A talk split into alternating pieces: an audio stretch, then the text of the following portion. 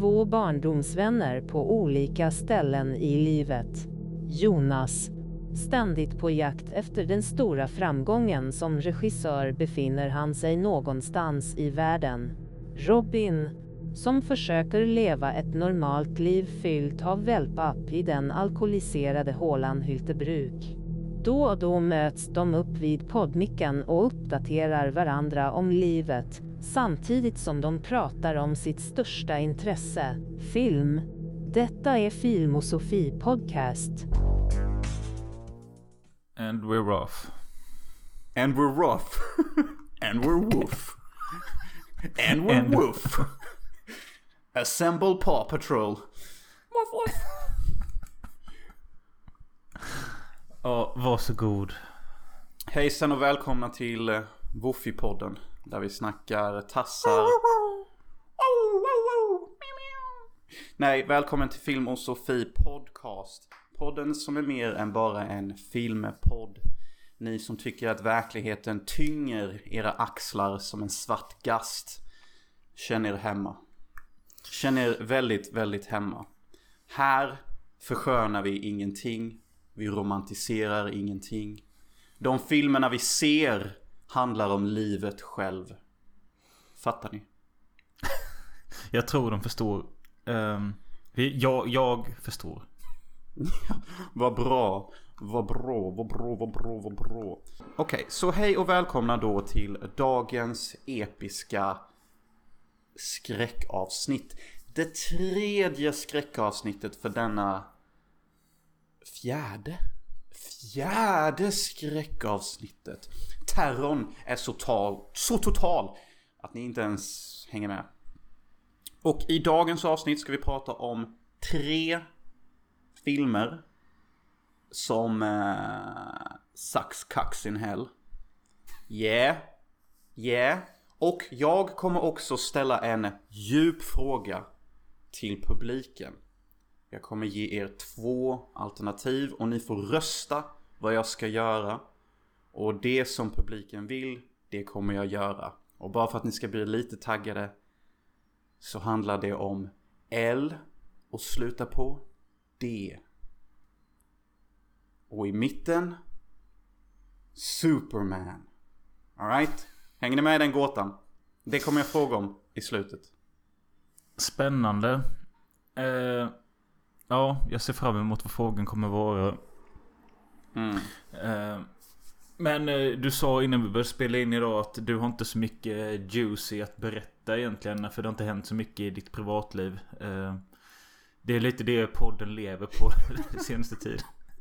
Ja, den har levt väldigt, Fast väldigt du, mycket på det. En sak som är kul faktiskt, som jag trodde ju... Alltså jag vet ju att min syrra och så, som inte är filmintresserad, hon har ju sagt i många år att Ja, jag tycker om när ni inte pratar om film. Mm. Eh, därför blev ju hon eh, och några till jätteglada när vi gjorde de här fredagspoddarna och skippade lite filmsnack. Mm. Men beviset på att folk faktiskt tycker om att vi snackar om film också har vi i lyssnarantal. För Fredagspodden får inte alls lika mycket lyssningar som de här vanliga avsnitten. Nej. Se på fan. Se på fan. Då kan jag passa på att annonsera ut att... eh, Okej, ingenting är hugget i sten. Som Skorpans eh, övervakare en gång sa. Men. Vi håller på att planera. Att kanske en gång i månaden ha något som vi kallar Filmosofi Podcast. International World Party. Mojo Dasa Casa någonting. Kanske working title. Just exakt. Och det är pretty straightforward. Vi har fest på en internationell nivå.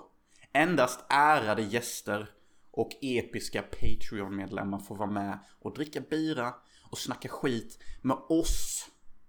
The Legends från limorten Hyltebruk.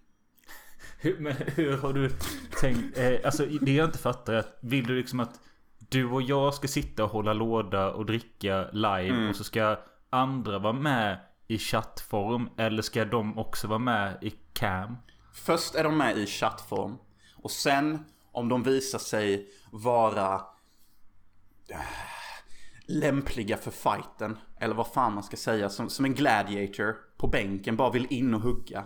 Visar han eller hon pondus nog så får hon och han också joina. Och vi håller i lådan. Vi kanske snackar film, vi kanske snackar utgång, vi kanske snackar koks eller e, vad föredrar man? Eller bara kanske lite simplare saker som kaffe eller öl. Och så festar vi och så håller vi det live och vi kallar det Mr International Filmosofi Podcast Partay.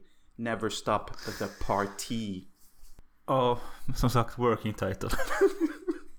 Och detta tänkte jag vore skitkul om vi har en gång i månaden. För då kan det också funka som typ ett form av, eh, ja men eh, ett teammöte.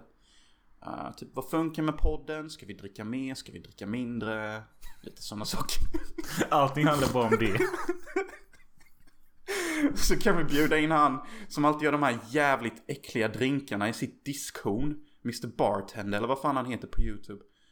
Oh, we're gonna make a vodka martini, Summers Bay, fucking uh, get whacked three times to Menar du han eh, Tipsy Bartender? Ja, ja, ja. Han gör eller inte... Alltså det är inte så sunkigt eller vadå? Han gör drinkarna i sin diskhon. Och jag skiter i hur ren den diskhon är. Han Alltså- använder den som ett jävla badkar till sina drinks. Du menar den här mörkhyade killen som har massa snygga tjejer som jobbar för han? Yes, yes, but you know. Jag har aldrig tänkt på att det är sunkigt. Men jag har inte heller sett någon video med han på flera år. Nej, men i början var han ju Mr Clean. Hade sköna brudar och de gjorde drinkar i riktiga bägare. Nu på senare tid har han completely fucking lost it. Och gör alla sina drinkar i en megastor disco. Vad fan. Och, och det är typ så här, typ han köper tre olika sorters flavored vodka. Och så kastar han i det i diskon. Och så bara ja, 10 liter Mountain Dew, 30 limes, två citroner och sen call it a day. And there you have it! Yeah, exactly. exactly so. And there you have it. The Summersby tipsy girls gonna throw their knickers off drink. Yeah, mate. Han känns väldigt metoo. Han känns väldigt... Jag dricker minst fyra gånger i veckan typ. Ja. Eh, och metoo är också. Men säkert en blast eh, på party. I alla fall i början kanske. Eh, challenge. Vem vågar doppa huvudet ner i diskhon i 10 sekunder och klunka? Det, det kommer vara en av våra challenge in the future på Filmosofi Podcast International Party. Never stop the party.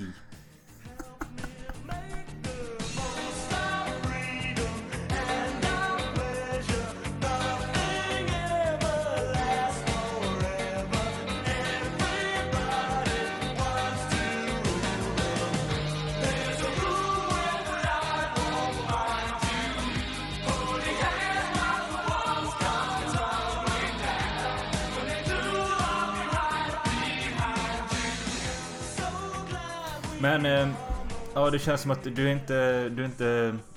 Du är inte deprimerad eh, som du har varit tidigare utan det här... Eh, fuck of the century du fick sist. Det ligger kvar lite i hjärnan och vilar.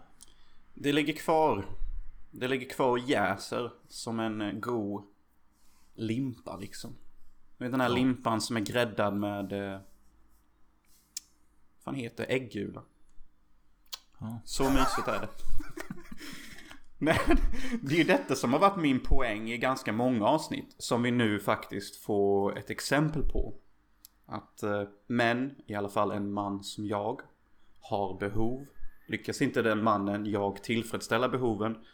Ja, och då blir jag ett stort CP som slår sönder min spis. Men... Ja, vad händer med, vad händer med det nu?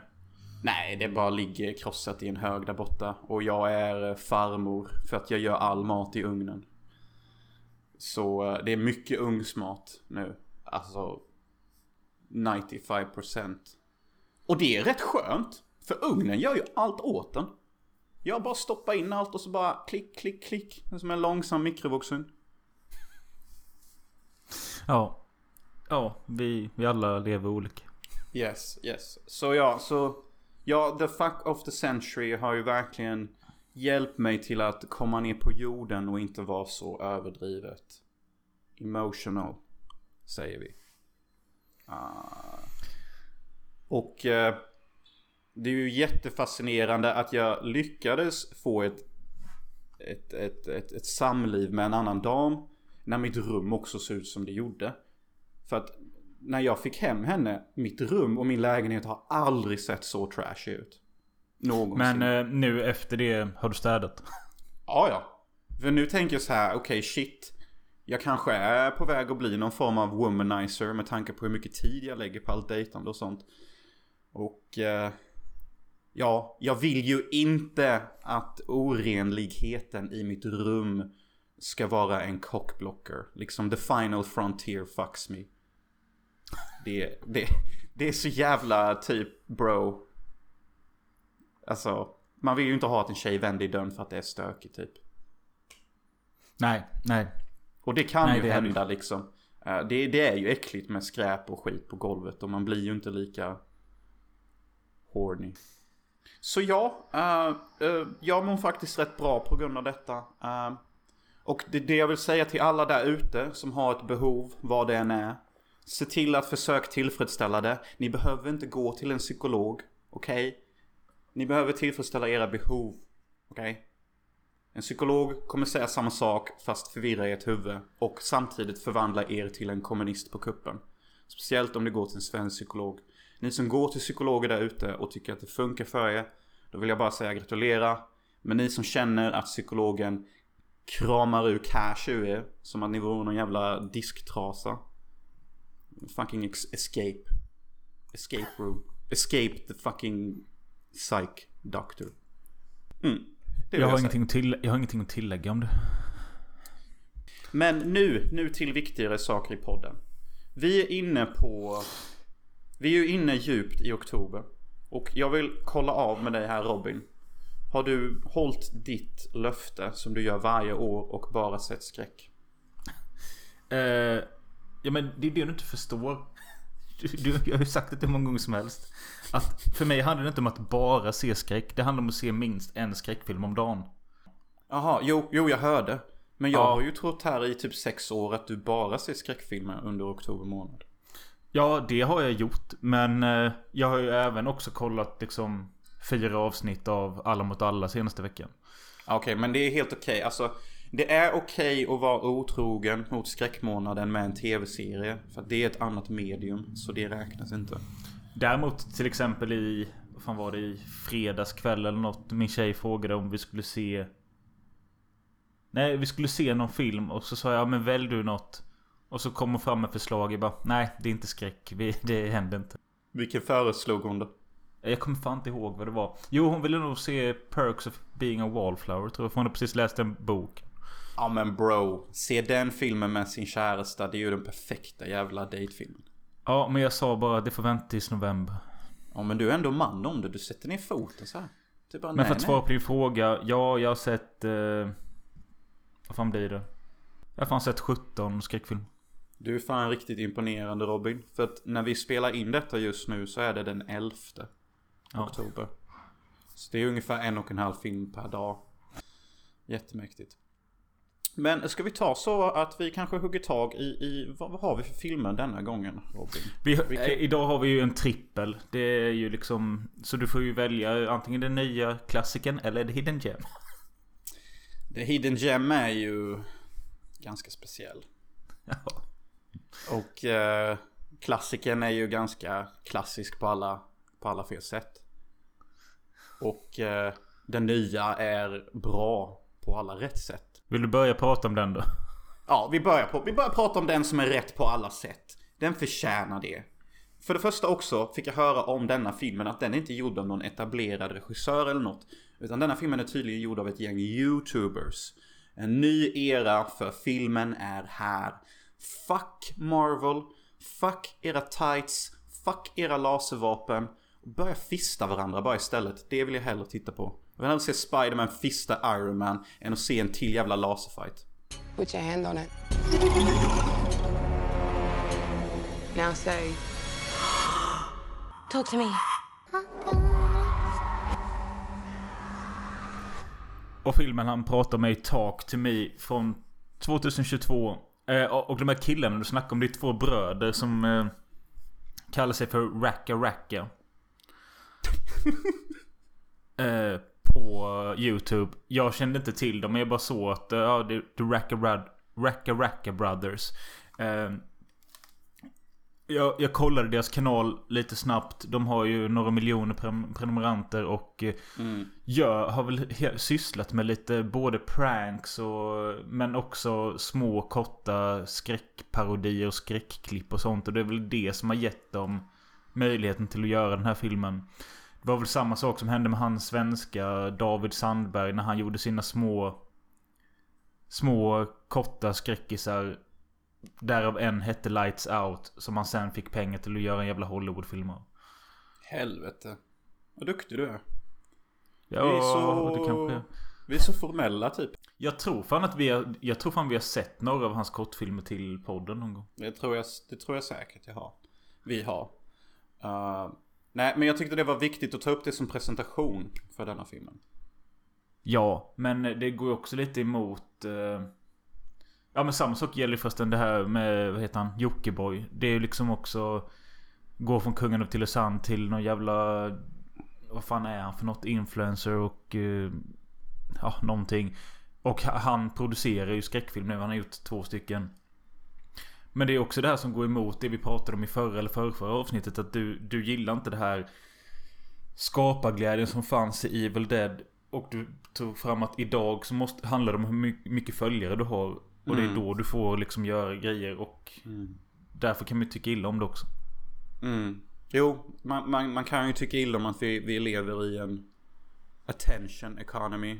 Ett uttryck som har myntats. Uh, den som får mest Alltså, men sen, uppmärksamhet. förstår jag också att du- måste ju kanske... Ja men som de här rackarbröderna då. Att de har blivit populära och då kanske folk förstår att okej de gör någonting som går hem. Låt dem göra något större. Så kan det bli någonting. Alltså istället för att man går in på en YouTube-kanal med tre subscribers. Det Ja. händer ju inte. Nej, det händer inte. Det händer, det händer verkligen inte. Uh, men men jag, jag, jag, jag tyckte ändå liksom att det ger hopp till den lilla mannen. För typ i, i... Jag vill påstå att när Evil Dead kom under 70 och tidigt 80-tal. Eh, då fanns det hopp för ny, nya regissörer att prova olika makabra tekniker. Sen kommer vi till sent 90-tal. Och då tar superhjältegenren över och extrema blockbusters. Den lilla mannen har inget rum längre till att ens dyka fram. Liksom. Och nu äntligen börjar allt det här krackelera. De här megaproduktionerna kommer inte ens i närheten av att få in sin budget ens. Jag tror exempelvis att eh, den senaste Flash-filmen gick nog bara even out. Och när någon säger att en film gick even out då försöker de rädda Face. Och de antagligen gick 60 miljoner mi- minus minst. Och det här kommer till slut inte producenterna tycka om. Och då kommer de vända sig till sådana som har gjort Talk to Me och säga Ni gjorde denna filmen för typ 5 miljoner dollar. Uh, jag är imponerad. Uh, snälla gör lite mer filmer. Precis som du sa här nyss. Typ. Jag såg något om eh, siffrorna på just Talk to Me. Ja, budget 4,5 miljon. Box office 88,6 miljoner. Exakt, och det är det de här producenterna kommer se. Okej, 5 miljoner, 75 miljoners vinst. Okej, Flash kostade 400 miljoner och vi gick minus. Yay! Trots att Flash Ja. tekniskt sett tjänade mer, för den gjorde säkert så här 120 miljoner profit. Det är dubbelt av vad Talk to Me gjorde. Men Talk to Me kostade bara 5 miljoner. Oh, it's simple math. Ska vi kolla exakta siffror på Flash? Det kan vi göra. Så att inte jag bara sitter här och drar ut massa jävla siffror ur mitt rövhål. Ursäkta uh, of- Eh, budget eh, 200 till 220 miljoner. Eh, box office 270 miljoner. Så den gick ju lite plus. Ja, men sen så får vi lägga till 100 miljoner plus på budgeten. För de räknar aldrig in marknadsföringskostnaderna. Tror jag. Det är jag nog ganska övertygad om att man alltid skippar. Och tar in Ja det, fast det i- står här. eh, It has become one of the biggest box office bombs of all time. With projections of a 200 million dollars loss for Warner Bros. Okej, och detta är en seger. Det är en seger. För att de här jävla, alla de här människorna som är med i de här filmerna, de är redan miljonärer. De har redan LA-hus, de har redan familj, flickvän, pojkvän och alltihop. Till och med de som har jobbat på filmen har det jävligt bra off. En kameraman, en skripta, en editor i LA som jobbar i en Hollywood-produktion har ungefär 40 000 svenska kronor ut efter skatt varje månad. Det är inte synd att denna filmen floppar. Det är bra. För det betyder att vi, som jag och Robin exempelvis, kan komma fram och ta plats och äga. Ja. Handling på Talk to Me enligt filmtipset. Ett kompisgäng har listat ut hur man frammanar de döda med hjälp av balsamerad hand. Adrenalinkicken varje gång de lyckas blir snabbt beroendeframkallande. Men när försöken går för långt släpps okontrollerbara övernaturliga krafter loss och gränsen till de dödas värld börjar suddas ut. Fin eh, beskrivning. Eh, bra handlingsbeskrivning faktiskt. Eh, Men du, du teasade ju redan lite om att du tycker om den här filmen. Jag tycker om den jättemycket. eh, faktiskt. Jag tycker det är en, en, en, en fantastisk skräckidé. Och jag tycker att symboliken med hur denna handen är en allergi. Prova säga det på svenska, det är så svårt. En allergi. Allergi. Allergi. Yes. Det är en allergi på knarkmissbruk. Och det är så himla tydligt och elegant gjort. Eh, att filmen får två lager. Vanligtvis har en skräckfilm bara ett lager. Skräck och död. Denna filmen har skräck, död och eh, knarkkritik och grupptryckskritik. Grupps... Grupptryckskritik. Eh, kritik. och eh, knarkkritik. Ja, Ja, plus ja. att den har, den har också även försökt eh, väva in eh, något... Eh, ja, men familjedrama. Ja. Men det blev jag faktiskt inte så jätteklok på. Jag var väldigt högt på hela Handen är knarket. De här äckliga ungdomarna är knarkare. Och det här är filmen typ. Men det, det förstod du också va? När du såg filmen. Detta jag pratar om. Ja, absolut. Ja. Det... Och jag, jag tyckte filmen började jävligt intressant. Jag, och jag gillade det här med handen. Jag gillade liksom att det spreds verkligen eh, Snapchat-videos på folk som ballade ur. Eh, Det är kul. Och det kändes väl ganska färskt allting. Men... Yes, jag älskar det. Det, det, det dödliga männet. Sen var Men- det ju inte mycket mer till det. Alltså liksom... Nej, det är ju det också. Det är ju det också. Jag, jag, alltså... Om den var särskilt läskig? Ja, lite kanske. Jag gillade de här eh, sekvenserna med den här lilla sköra lillebrodern som egentligen inte skulle vara med på festen. Och när han ballar ur och smäller huvudet i bordet och sånt. Det är ju rätt nasty. Det är riktigt nasty. Den här lilla ungen känner ju grupptrycket då. Nu kommer kritiken in. Och han känner ju att han vill vara cool med de här äldre ungdomarna. Och också ta knark, eller ja, bjuda in en demon i sig själv. Så, så han gör ju det och börjar banka sitt huvud i väggen och det är så fucking hårt. Jag var ju orolig att de dödade skådespelaren på riktigt typ. ja, precis. Men alltså på redigt typ. Alltså bara, är, är, är ungen okej eller? Ja, men det är ju likadant sen när han är på sjukhus och sen vaknar till liv och drar i bakhuvudet i något jävla... Någon vägg. typ. Ja, och, och ja, jo. Det var länge sedan jag faktiskt kände genuin rädsla för någon i filmen om han faktiskt levde eller inte. Så kudos till effektsteamet. Eller kudos till skådespelaren som kanske dödade sig själv nästan på redigt när han skådespelade. Det ser jättebra ut när han bankar sitt huvud i väggarna. Eh, det gör det. Absolut. Och jag, jag blev glad direkt när jag satte igång filmen. För jag visste inte att den var eh, från Australien. Och det hörs först lite på dialekten. Men jag kunde inte riktigt bestämma vilken dialekt det var. Men så fort i början när de eh, kör på en väg och det hoppar fram en känguru. Eller ligger en halvdöd känguru på vägen. Jag bara, jag gillar detta. Och jag vet inte varför jag börjat blivit så stort fan av australiensiska filmer. Därför att australienska kvinnor har någon ambel skönhetsaura till sig. Det känns som att i Australien kan man drunkna i en kvinnans famn med en öl och en känguru och leva lyckligt. För mig är det så i alla fall. Jag vet inte om du känner så? Jag vet inte, det är bara något med... Nu är ju inte detta direkt en sån klassisk outback exploitation miljö Utan detta kunde ju lika gärna varit i USA typ. Ja, och det var därför jag blev förvånad när jag såg kängurun. För jag tänkte, okej är detta ett omen? En känguru i USA? Så jag började tänka djupt som fan på det. Men nu när du säger att den här filmen är från Australien, då maker ju det mycket mer sens. Kul, en uh, letterboxd uh, kommentar jag såg om filmen var Maybe the real horror was the crazy frog ringtone. Ja, det var, det var jättelänge sedan vi hörde en unik ringmelodi till en telefon. Nu för tiden har ju alla samma rington. Jag kommer ihåg i början av 2000-talet när alla var tvungna att ha en egen ringmelodi till sin telefon. Vad hände med den? Vad hände med det? För min eh, personliga del så är det för att jag, jag, jag vet inte ens hur jag lägger till någon egen låt i iPhone. Jag tror man måste ladda ner på iTunes och krångla med det och... Exakt, det är ja. inte lika lätt längre kanske. Uh. Nej, alltså jag menar i gymnasiet när jag hade de här gamla mobilerna då hade jag alltid en jävla rocklåt. Eller ett tag hade jag hade ju Twin Peaks-introt som sms-signal och... Ja. Jag lovar att du säkert hade girls också. Girls, girls, girls. Du bara, detta är mina ah. girls som ringer nu. Yeah, yeah. uh, en annan grej jag måste säga är att den svarta huvudskådespelerskan är fantastisk. Sophie, Sophie Wild. Eh, Ja, vet inget mer om henne. Hon är född 97 så är... Perfekt ålder. Och eh, hon ser ut som en, eh, en, en svart Wiona Ryder. Och därför gillar jag henne jättemycket. Uh, och hon är, hon är en jätteduktig skådespelerska också. Och jag gillar typ att...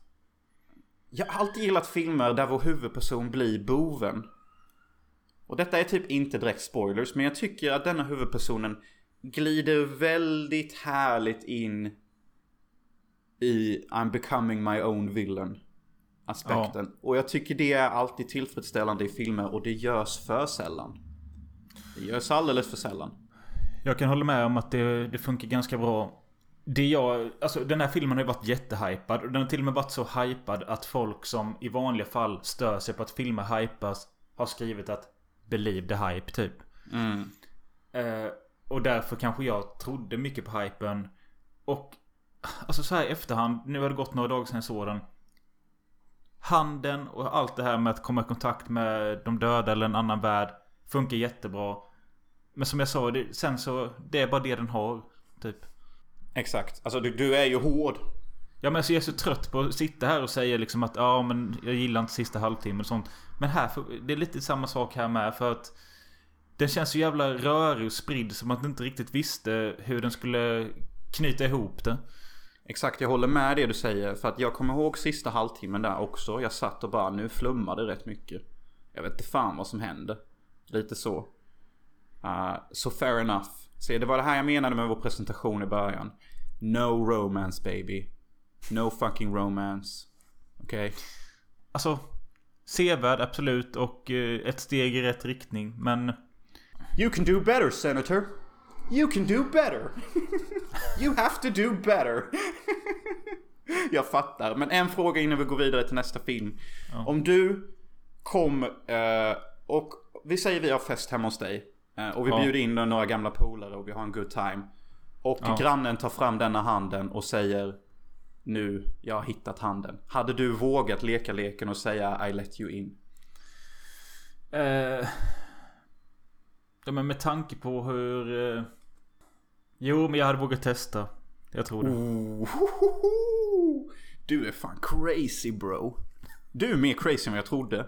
Okej, okay? jag experimenterar jättemycket. Men här sätter jag faktiskt ner foten. Inte en chans i helvetet att jag säger de orden till en demon. Vet du vad som händer? I let you in. Det signalerar till demonen att det är helt okej okay för honom eller henne att ockupera din kropp och göra vad hon eller han vill med den. Ja. och du är helt okej okay med det för en kicks skull. Nej men jag måste ju veta om det funkar ju. Fucking junkie. Fucking men jag måste junkie, ju också, man. alltså jag måste ju, ha, jag måste ju ha någon som avbryter dig i tid. Ja. Jag älskar desperationen i dina ögon nu. Du bara, men jag måste ju veta. Jag måste veta hur det är. Jag måste ha I want, to, I want to believe. Ja. Nej, men ja, det är kul. Ja, men eh, självklart så är det ju en eh, uppföljare i Progress. Jaha, okej. Okay. Vet jag inte om det behövs, men visst. Nej, men det kunde man ge sig fan på. Nej, men jag tänkte på, fick man... Eh, fick man någon info om hur handen kom till? Det fick man kanske. Jag tänkte man kunde jag, göra en prequel, men jag vet Jag frågade en kollega om det eh, och han visste inte så mycket heller. Så. Nej. Yeah, yeah, yeah, yeah. But pretty, pretty, pretty good, pretty good, pretty good, pretty good, pretty good. Ja, jag tycker det är kul att du tycker om den. Ja, och jag blev skiträdd av den. Vilken vill du ta nu då? Nej, nu tänker jag så här nu hoppar vi in på äh, veckans filf. Okej. Det är alltså dags för The Hidden Gem. eh, även känd som Red Spirit Lake från 93. Eh, Oh yeah! En liten shout-out till Adam. Eh, om du lyssnar på detta. Det var tack vare dig jag såg eh, du betygsatte denna filmen. Red Spirit Lake från 93. Gjord av en kille som heter Charles Pinion. Eh, fanns, fanns faktiskt en eh, handling på filmtipset. Jag trodde inte det. Eh, en ung kvinna ärver ett hus vid en sjö när en närstående släkting blir mördad. Hon och några vänner åker dit en helg och anar inte att mörka krafter är i rörelse ute vid den frusna sjön. Ja, jag får väl ändå ge cred till att det faktiskt är den korrekta handlingen på filmen. Dock tycker jag att handlingen eh, skuggar över det faktum att detta är en glorifierad snuskkonstfilm. Ja, alltså vi måste ju nämna att den är shot on video. Eh, det är liksom... 93 också. Det är... Ja, shot on video 93. Kvalitet därefter och det här sunkiga känslan av att det här är hemmafilm. Det här är... Alltså jag fick känslan av att det här är ett gäng eh, tjackisar typ som inte riktigt vet vad de ska göra typ. Exakt, det är exakt den feelingen får. Alla ser ut som tjackisar eller som att de tar crack emellanåt. Alla skådespelare. Och, och Alltså vi har scener där vi har en, en, ganska vacker blondin som gör aerobics i sitt sketna hem ute i skogen. Sketet är det inte, det är faktiskt ett fint hem. Uh, och vi har någon jävla... Uh, vad, fan, vad fan ska man kalla den snubben egentligen? Takishi Mike-runkare? Eller, eller Itchy the Killer-runkare? Eller vad fan man säger. Står och tittar på henne när hon gör aerobics. Och bara the demons, the demons, I need to come on the demons. Och så står han där och runkar ute i snökylan när hon gör aerobics där inne. För att hans kuk är ju ett jävla horn ju. Ja det där, jag måste ha zonat ut där för att det var bara så absurt. Är, det, är kuken ett horn också? Man får se när den är gylfen i tidigare scener så kommer det ut liksom typ ett djävulshorn. Ja. Yeah. Ja, Chuckys kreativitet här ja, i, i sitt esse verkligen. Ja men, ja, men verkligen så. Ett gäng tjackis, tjackisar. Men så har vi en då. För han som spelar den här runkaren, det är även regissören. Ja, uh, yeah, figured. Alltid drömt Men man om ser att... ju också att han har säkert haft en jättevision med den här filmen. För att det kommer ju ändå scener som liksom, där man verkligen ser att han har lagt ner lite tid och tänkt på. Däremot, du hade problem i förra avsnittet att förstå Death Dream. Du sa att det var som att du hade en vägg framför dig. Ja. Lite så, alltså, lite så var det för mig här med. Jag ser vad som försiggår men jag, jag greppar inte det. Det är för att det inte direkt finns någonting att greppa. För att vi har människor som går in och bastar i en bastu. Bastun är någon form av dimension. Typ som The Black Lodge i Twin Peaks. Och när man är inne i den bastun då ser man visioner av andra häxor från andra årstider. Som perplexar en sinne till att Börjar utforska sin sexualitet på ett ohälsosamt sätt. Och jag ger denna filmen för jävla mycket cred genom att prata så här vältaligt om den. För det förtjänar den inte. Okej, okay, detta är visionen men det ser ut som en jävla sketen porrfilm bara. Ja, den här mannen blir inställd, instängd i den här bastun och eh, det kommer in någon kvinna och börjar suga av honom och sen sätter hon sig hon, i hans ansikte och kväver han eller något sånt? Ja, kväver han med, med fittan. Ja. Och, och det, hon är ju egentligen inte där utan det ska ju föreställa att hon är ett spöke som suger honom. Så han, de klipper ju bort från han när hon är inte är där. Och det ser ja. så jävla flummigt ut. Han bara Oh no! Who's sucking my dick? What's this? Och jag bara tjena för helvete. Ja det kan vi också säga alltså. Det är ju inte... Det är ju inte Morgan Freeman och Willem Dafoe i rollerna. Utan det... Det, här, det skådisen är ju från en annan dimension. Ja, kunde någon akta? Jag vet inte, men sen också. Jag, jag har kollat lite på de här skådisarna. Det är inte många som har gjort någonting mer. Och de som har gjort något mer är någon annan film av den här Charles Pinion. Uh, men med tanke på, alltså det är både nakna män och kvinnor i den här filmen och Jag tycker allting med kvinnorna, det är så jävla hårdhänt. Det ska nypas i bröstvårtor och det ska tas hårt. Det är precis som att de här tjackiga männen bara Okej nu äntligen får vi lite kvinnor. Ska... Mm, mm, jag känner också det. Jag känner det genom skärmen att det är den feelingen. Och det, är alltså det, det bidrar till något extra smuts tycker jag att liksom Ja. Okej nu tar vi, kan vi ta en till närbild på dina tuttar när jag bara nyper i dem lite? Ja. Det var exakt det jag kände också. att Typ, det var mycket klippbilder på tuttar och jag tror de tog tre eller fyra tagningar extra. Bara för Alltså det. hela, hela filmens öppning det är något slags jävla gangstermöte och samtidigt sitter någon och klämmer på någon tjejs tuttar. Det var där direkt så kände jag bara att, vad fan är det här typ? Ja, och det, det var nog där du förstod att detta är ett handfull tjackisar. Som ville göra en film helt enkelt för att jag tror inte de... Jag, jag har jättesvårt att tro att de trodde att detta skulle bli en succé. Vad jag tror är att detta bara är ett, ett slags självglorifierande konstprojekt för deras kompisgäng typ. Eller något sånt. Och det är ju ändå kul att, ja precis som du säger att de trodde nog inte att det här kanske skulle bli någonting.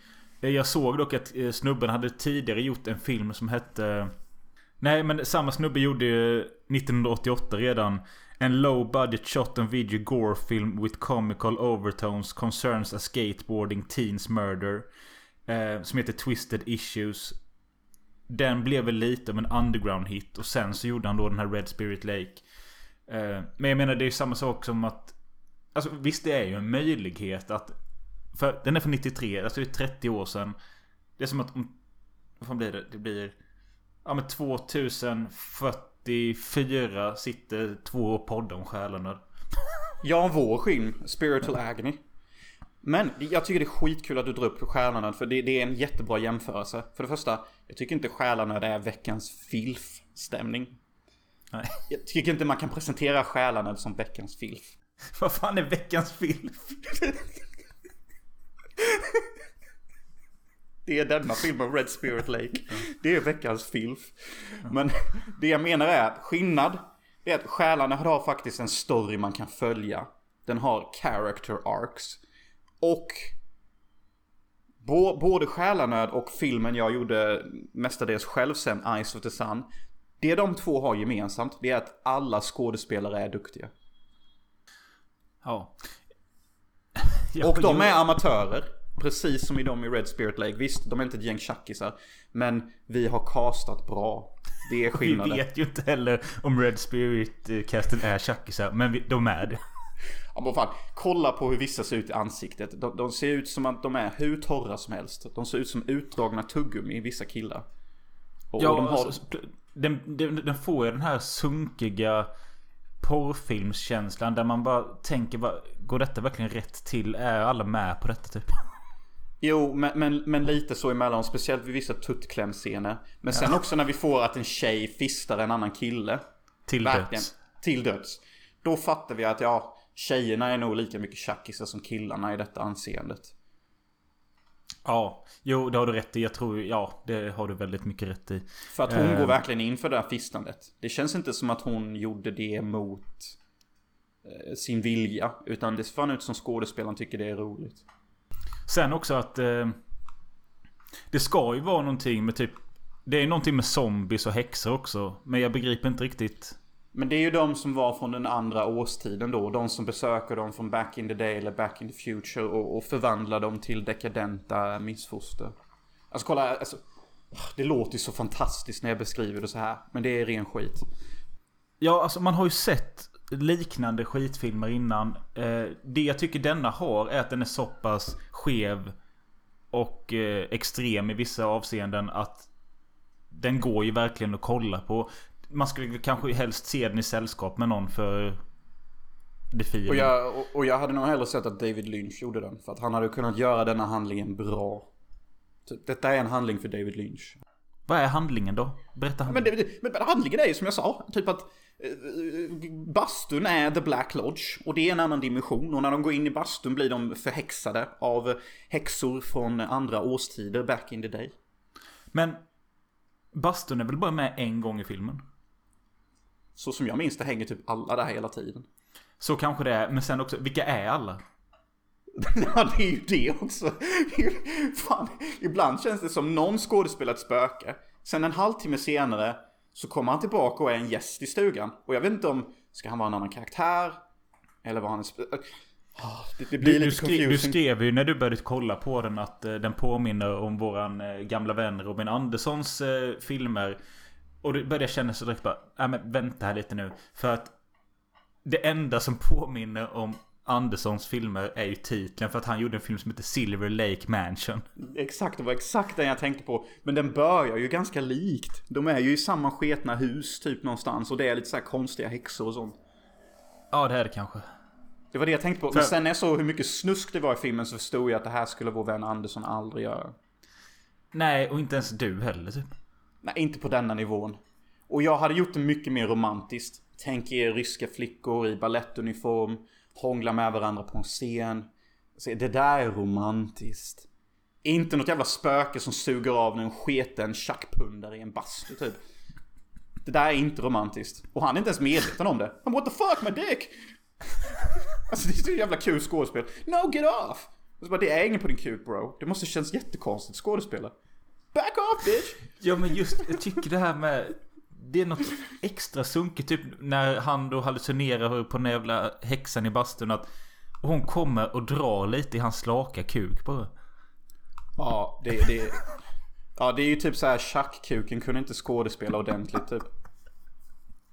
Den blev aldrig hård. Ja, och så tänkte de så här mitt i scenen att okej, han har tjackkuk nu, du kan inte bli hård. Så vi får bara utnyttja detta till scenen och så får detta bli typ något slags jobbigt rape för dig. Är du okej med det? Yeah of course man, I'm, I'm fucking high anyway. Let's just have that my dick can't get hard and the ghost is like trying to fuck me. Det, så tänker jag att dialogerna gick typ. Det är ju ett par kvinnor som blir våldtagna också men jag vet inte heller av vem eller varför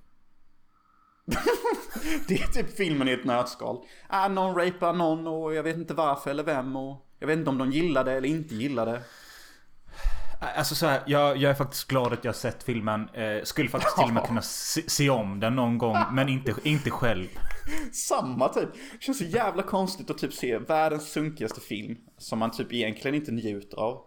Men sen efteråt känner man att... Äh, inte så dålig egentligen. Nej men den är ju inte, men det är det som jag säger, den har ju det här eh, Att den är så pass fucked up att Det blir en kul ride Ja, och sen de två huvudskådespelerskorna är faktiskt fina. Att titta på. Ja Och sen också att den bara är typ 65 minuter lång Och Ja Det är perfekt längd för en sunkig tjackfilm. Bro, ska du göra en sunkig tjackfilm och du är en sunkig tjackare själv. Gör inte en film längre än typ 70 minuter. Det är max för dig alltså. Du är inte Peter Jackson, okej? Du är en tjackig pundare. Det är kanske synd att inte vi var tjackiga pundare när vi gjorde Själalös så den blev 70 minuter istället för 90 Ja, vi hade kunnat klippa... Vet ni vad? Vi kommer göra en anniversary edit på det snart och då kommer vi klippa ner den till 70 minuter. Kul att du nämner det för jag har också tänkt på det För nästa år är det 10 år och då får vi fan göra Vi får göra som alla andra Spielberg och de Då gör vi den riktiga katten Ja, ja. Uh, och nu hör jag min boomer-kollega på jobbet vända sig i graven trots att han lever. För han sa till mig igår typ bara You know, directors should always trust their first instincts. I fucking hate what George Lucas did to the fucking old Star Wars movies. Jag måste bara innan vi går vidare så måste jag kolla om den här Charles Pinion lever Ja men eh, Charles Pinion, regissören till Red Spirit Lake eh, Verkar leva. Han har en sida som heter charlespinion.com och där eh, på första sidan nu ser jag att eh, det har släppts en Blu-ray double feature med Red Spirit Lake och We Await Fuck yeah man, keeping it strong. Respekt. Uh, mer, pengar, mer pengar till Chuck Yes, mer pengar till tjacket. Och vi snackade lite innan om vi skulle göra 10 years anniversary. Och jag vill bara köra en shoutout här till alla som är patrons och kommer bli patrons. När vi gör det skickar vi ut alla ni som förtjänar en 10 years anniversary. Eller? Ja Det blir ett Eh. samlingsgrej vi gör. För vi har lovat många att de ska få en men vi har inte gjort det. Och vi är svin, vi håller inte vad vi lovar. Men det här kommer vi lova. Vi skickar ut en, en fucking 10 years anniversary gift till alla patrons. Alltså Jag måste gift. köpa en skrivare och fotopapper så vi kan göra bra covers också Exakt, exakt. Så istället för att bara ruscha ut någon jävla sketen utgåva. Så får ni the fucking 10 year anniversary gift. Det blir typ som när Apocalypse Now Redux kom. Ja. Vi, vi jämför oss med den största filmen i världen.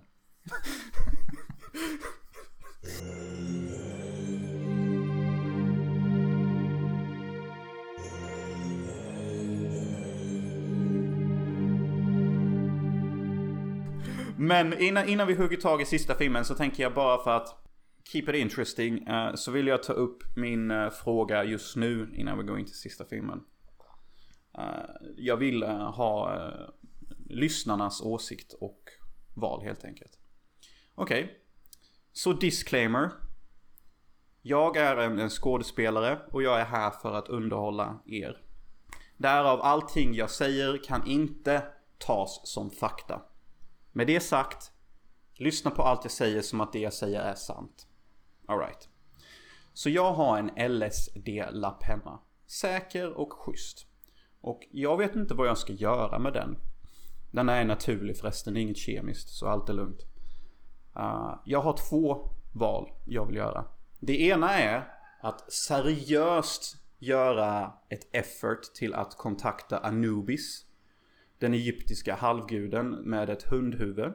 Och prata med honom om min framtid. Och hur jag ska pitcha min bok och film och podden och allting. Eller alternativ två. Jag lyssnar igenom hela min bok Quest for Manhood. 360 sidor som jag har skrivit eh, på denna lappen för att få någon slags djupare insikt i mitt verk. Och det här undrar jag, ska jag kontakta en nubis? Eller ska jag lyssna igenom hela min bok? Vad tycker ni? Skriv en kommentar eller så kan vi göra något frågegrej, typ. Okej. Eh, spännande. Eh, min personliga åsikt är väl att... Eh, Din åsikt rättas också, så vad du säger nu så blir det ett poäng till vad det är val. Så Anubis eller boken, det kallar vi valen. ja men alltså är du så säker på att du kan styra det så?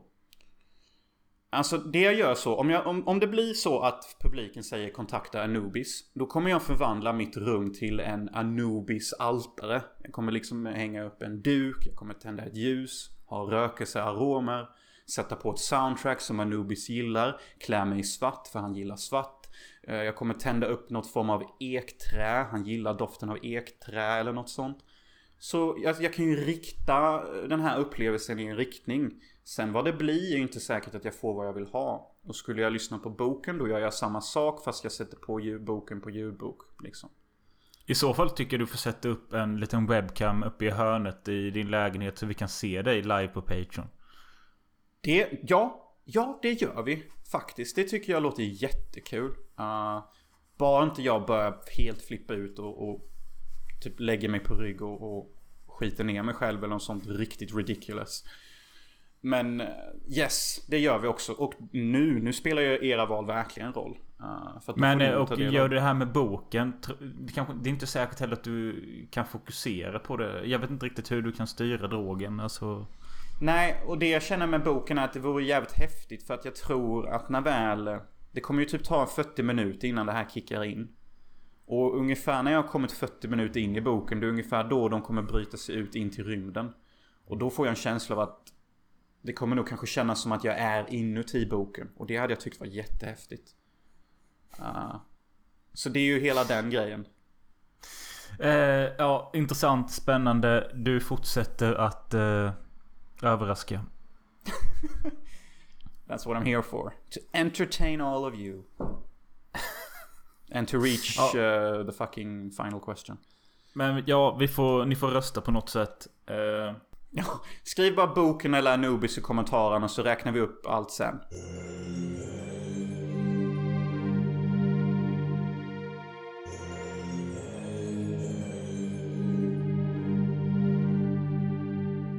Men sista filmen då, innan vi säger hej då till alla fina er. är ju det vi skulle kalla för klassikern. Men det här är egentligen uppföljaren till en klassiker. Eh, Och är liksom... Jag vet inte om man kan... Jo, om man kan kalla det alltså en klassisk skitfilm. En av de mest bespottade uppföljarna någonsin. Eh, Exorcisten 2. The Heretic. Eller Kättaren på svenska.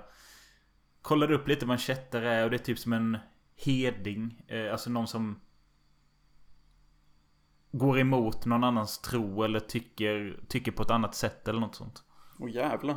Då måste jag ju vara den ultimata kättaren. Ja. Uh, men häftigt faktiskt. Den är gjord av John Borman som är mest känd för att ha gjort uh, Deliverance. Alltså det är han som har gjort Deliverance. Och sen har han gjort denna. Och det är kul att William Peter Blatty som skrev uh, Första Exorcisten. Han ville inte att den här filmen skulle göras. Och William Friedkin som gjorde första filmen tyckte också detta var en dålig idé. För han tyckte att manuset var så jävla kast. You don't Eh, say. Och, You eh, don't say. Linda Blair som spelade Reagan i första filmen. Hon blev tillfrågad. Hon tackade nej, tackade nej, tackade nej. Till slut gick hon med på det. Eh, och detta var även i samma veva som hennes eh, drogproblematik började. sus. Very sus. Och... Eh, men hon, hon gick med på det på ett villkor. Det var att hon vägrade att sätta på sig makeup. Eh, alltså klä ut sig till eh, sin demonversion. Och det är Ah. därför i de här skeva scenerna i filmen där vi får se demonversionen. Då är det en annan skådis. Vilket syns väldigt tydligt. Jag tyckte också det syntes väldigt, väldigt tydligt där ja. Eh, Eh, Max von Sydow ville egentligen inte heller vara med. Men till slut gick han med på det. Jag tror de kanske filmade honom en, två dagar eller något.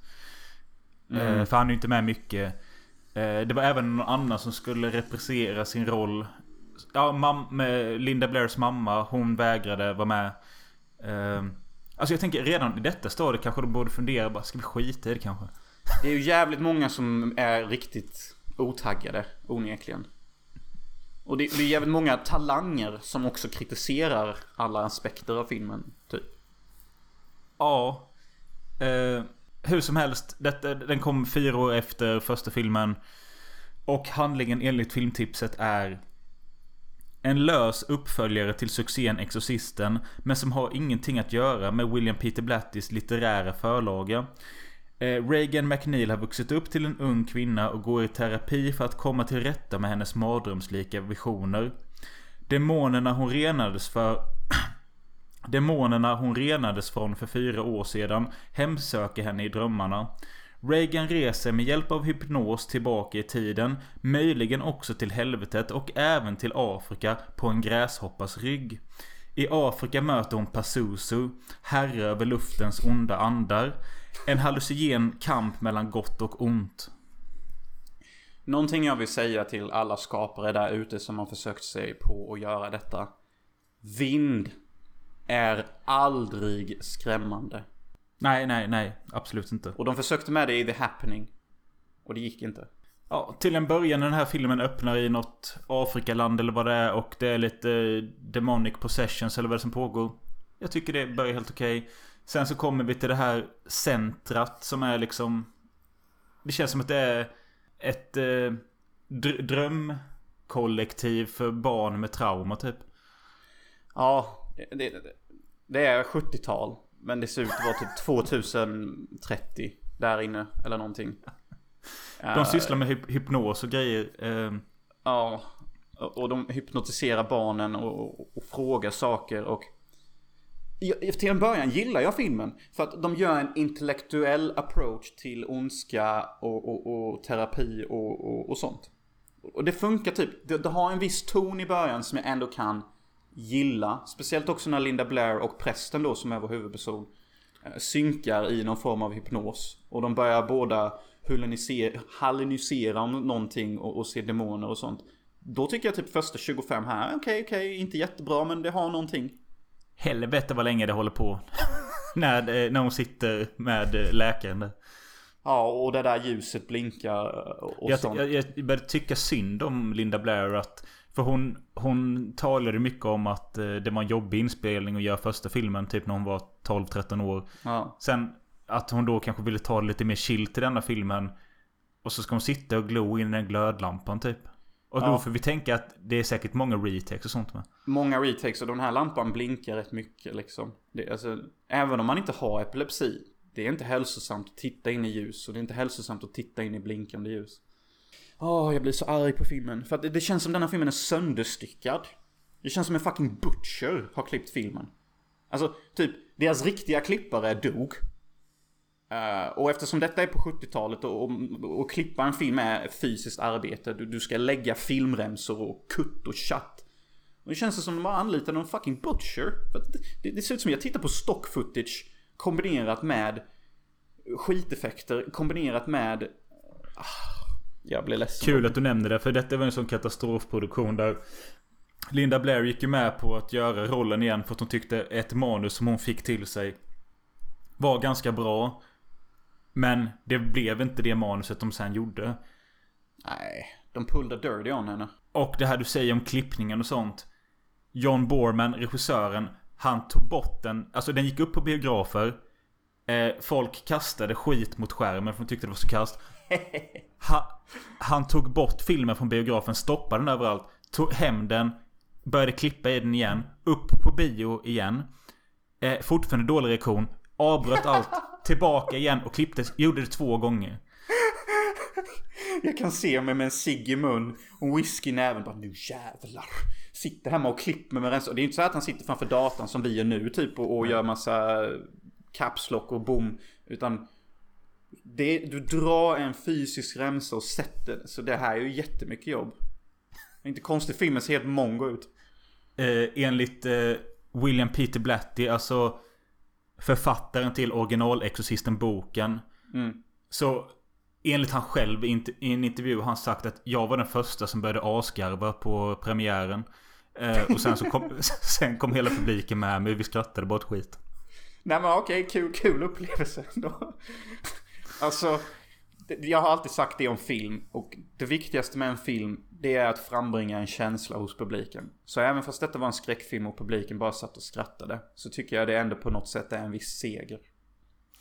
Alltså, det, jag har ändå alltid hört talas om denna filmen. Alltså sen jag var lite... Förra året berättade jag om min relation till första Exorcisten. Och att mm. min mamma var skärrad av den och förbjöd mig för att se den. Någonstans där berättade hon även att det fanns en tvåa som, eh, som hette Kättaren. Och jag tyckte bara det lät konstigt. Och hon sa mm. att den var inte lika läskig. Men det jag minns var att det var mycket gräshoppor. Ja fy fan vad mycket gräshoppor. Okej. Okay. Och sen dess har jag liksom aldrig haft något intresse för att se den. Uh, tills nu då, för jag tänker att... Alltså jag har alltid hört att den ska vara kass, men hur jävla kass kan den vara? Den var rätt kass faktiskt. ja, men... Eh, alltså... Sen, det finns ju bra scener. Eh, det tråkiga höjdpunkten i hela filmen för mig var en 10 sekunders sekvens när Reagan står uppe på något tak och kollar ut över skyskrapor. Och Ennio Morricone faktiskt i hans musik spelas och det påminner lite om soundtracket till The Strange Vice of Mrs Ward. Och det är liksom 10 sekunder och det är bara, det här är nice.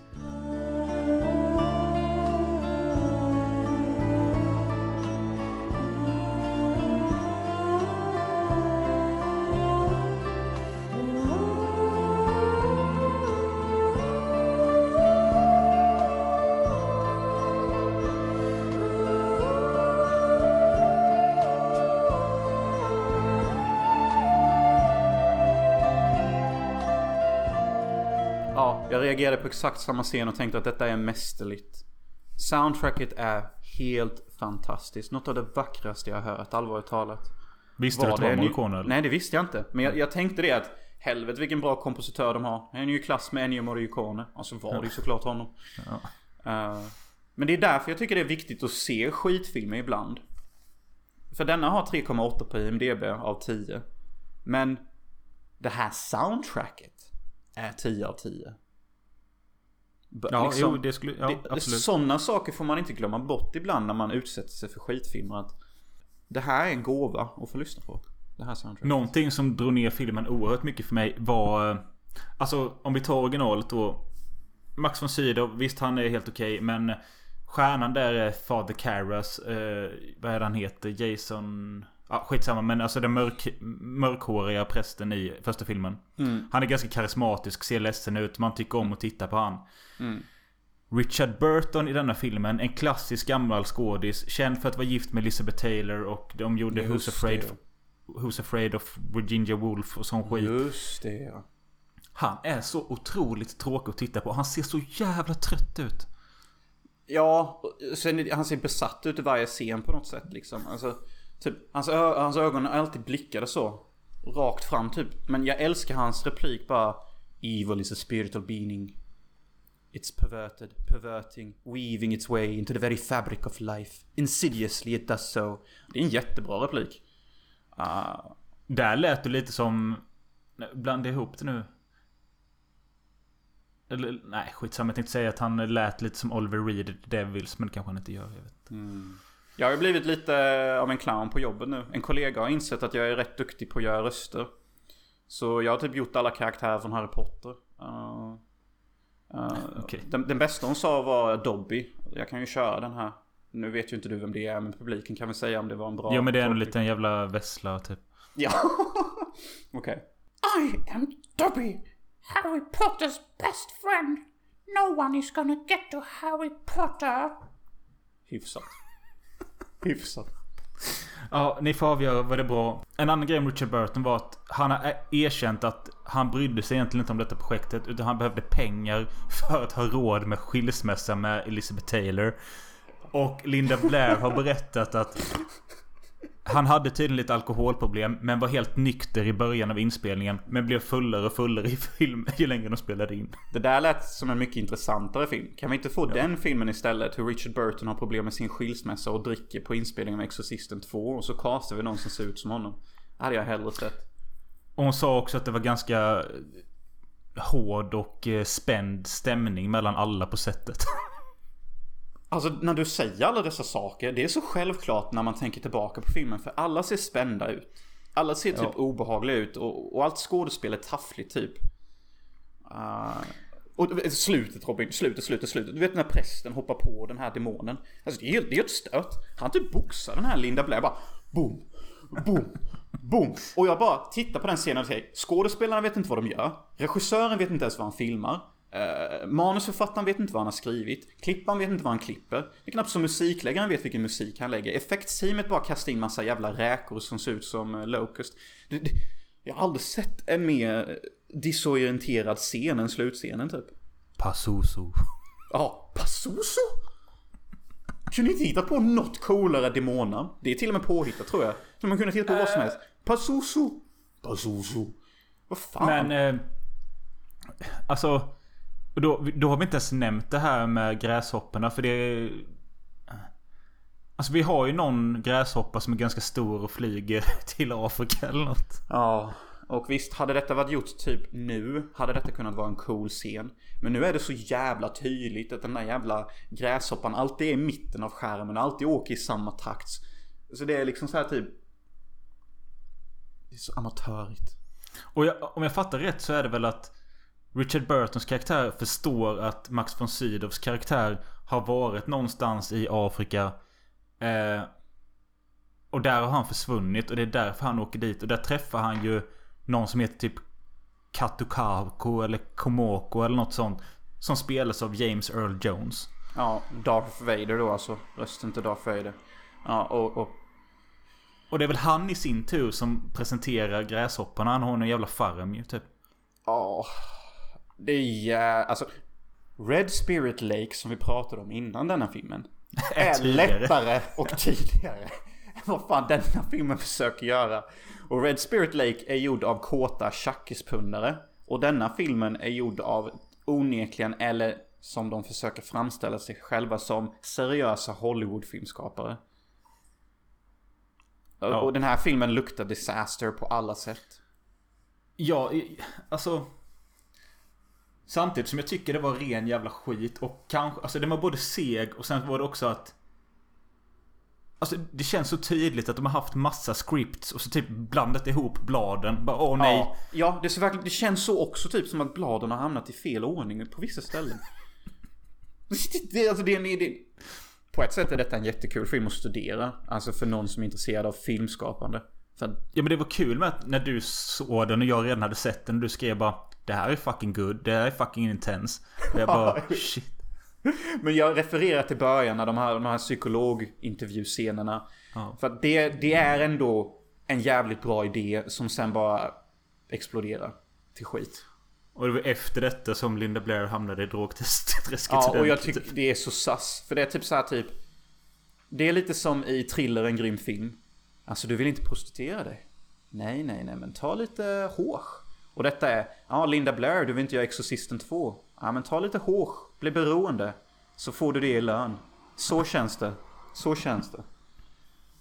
Eh, men det, det finns faktiskt en kille som eh, tyckte denna var skitbra. Han älskade hela trilogin. Eh, alltså de tre första filmerna. Kan du gissa? Du, gissa du kommer aldrig gissa det, men gissa vem som älskade de här filmerna och den här också. Hitler? Nej, vad fan säger jag ens? Eh, Andrew Tate? Nej, eh, Jeffrey Dahmer. Ja, det kunde man ge sig fan på. Och det roliga var enligt eh, IMDBs trivia så hade han ett, eh, en av de här pojkarna han brukade våldta och mörda men som överlevde. Nej. Som ty tydligen låg i hans lägenhet ett par timmar. Han såg Jeffrey Dahmer sitta och kolla på Exorcisten 2 om och om igen. Fy fan vilken tortyr. Speciellt när andra filmen kommer på. Ja men det Men var, det- bara, det, var, det, var, det var bara tvåan han kollade på om och om igen. Nej, fy fan. Fy fan, alla de där jävla locust-ljuden. Du vet ju, det finns en Netflix-serie med Jeffrey Dahmer där han står framför tvn och säger You need to watch this. Alltså. Told you. We're gonna hang out. Gonna watch a movie. Gonna take some pictures. Det finns en meme eh, på Jeffrey Dahmer och då, då visar han något tv-program för sina offer. Så det du beskriver har de ju till och med tagit med i Netflix-serien. Fast han visar ju inte Exorcisten 2. Men han kunde ju lika gärna gjort det. Så det är skitkul att du tar upp detta för de, flesta vet nog fan exakt vad du pratar om. Uh, men, Men- men det är ju jättehemskt. Tänk då, du okej du har precis blivit våldtagen av Jeffrey Dahmer i röven. Ja, nu ska du få se Exorcisten 2 och sen ska du bli mördad efteråt. Toppenkväll! Ja, men den här killen överlevde ju faktiskt. Men... eh, Och sen berättade detta. Typ bara, det värsta var inte våldtäkten. Det värsta var att vi fick se Exorcisten 2 tre gånger. Men jag kan Eh. tänka mig att Jeffrey Dahmer tycker om den. Han relaterar säkert till hur vindens ondska drar honom till att bedriva saker. Han kan säkert relatera till att han är någon form av spirituell ondska som har någon övernaturlig aura. Jag kan se hur en sån som hon- honom tycker om filmen. Det är också kul att första filmen räknas som en av världens bästa skräckfilmer och att uppföljaren räknas som en av världens sämsta. Ja men vad fan. Du vet, två sidor av samma mynt liksom. Jag gillar stilen. Ja. Men eh, tredje filmen är ju faktiskt ganska bra. Ska vi inte ta och se tredje till nästa vecka då? Jag har aldrig sett den. Jo, det kan vi göra. Och sen finns det en fjärde också som kom nyligen. Double feature kanske? Ja men alltså det finns ju fler än så. Det finns ju... Va? Det finns ju ett riktigt sånt clusterfuck också att eh, typ eh, 2004 så skulle Rennie Harlin göra en fjärde film som heter typ Exorcist the Beginning. Rennie Harlin är regissören till Die Hard 2 så ni bara begrep det. Samtidigt gör Paul Schrader som skrev manuset till Taxi Driver. Han gör en som heter Exorcist Dominion. De här två kommer exakt samtidigt och båda är typ prequel och sequel. Jag orkar, Okej. inte, jag orkar inte se dem. Nej, de behöver vi inte se. Och sen så har jag också sett någon med Stellan Skarsgård och... Ja men det är en utav dem. Ja, men den var faktiskt rätt bra. Uh, så den var. Men jag hade velat se Exorcisten 3, också Exorcisten 4 som kom bara för några månader sedan. Men det går igen på bio nu som är... Jag tror den är en slags sequel till första filmen. Den ja, är ju... det är den. Det är den. Den är otroligt hatad. Ja. Redan. Den är, Ja, men- den är gjord av eh, David Gordon Green som gjorde här, den nya Halloween-trilogin. Är, vadå, är den mer hatad än Exorcisten 2, The Heretic eller? Det, den kan nog bli det. Nej, Tjena, challenge fucking accepted säger jag. Eh, men eh, jag kollar på... Ja, alltså... De vännerna jag har på Letterboxd de har betygsatt The Exorcist Believer. Det är två och en halv stjärna, två och en halv, ett och en halv, tre och en halv, två och en halv. Och det är fyran då va? Nej men det är... fyra Eller ja, prequel, sequel. fyra och tre. jag vet inte. Men de har ju... Det enda jag vet om den är att de har ju dratt upp den stackars eh, Ellen Burstyn som spelade mamman i originalet till att vara med i denna igen. Hon måste ju typ vara 90, år nu. Ja. Okej. Hon var ju för fan gammal och sleten i Requiem for a Dream och den är från 2000. Oj, shit. Jaha, det är hon. Ja, ja. Dock, credit where credit is due. Jag tycker faktiskt att Exorcisten 2, och detta är det sista jag vill säga om filmen, har en av de vackraste scenerna jag någonsin sett i en film någonsin ever. Och den är i klass med den scenen där Leonardo DiCaprio sitter och gråter jämte ett barn i Once upon a time in Hollywood. När de har ett one-on-one varför denna boken symboliserar hans liv. Och den scenen jag pratar om i Exorcisten 2, det är när Linda Blair talar med det jättesöta autistiska barnet och Ennio Morricones musik spelar och det här lilla autistiska barnet säger I can't talk. No. I'm autistic. Och den här jättevackra musiken spelas. Och sen kommer Linda Blair in. But you're talking right now. I can understand you. Nu låter jag helt psycho. Men hon låter vacker. Och bara. Can you hear me? Så bara. Yes. Och så bara. Så börjar hon det autistiska barnet gråta typ. Och det är det vackraste jag sett tror jag. Alltså. Det, det, alltså, det är nog topp fem scener jag sett i mitt liv. Så det vill jag också säga att liksom även skitfilmer har såna riktiga guldkorn ibland och det missar man om man alltid går efter IMDB. Nice, nice. Eh, vi måste runda av för idag. Det var tre ganska kul filmer vi pratade om denna gång. Vi får se Mm. vad det blir nästa vecka. Och Vi hörs. Glöm inte rösta. Nej, boken, boken eller Anubis? Vad ska Jonas trippa balls till? Hej då.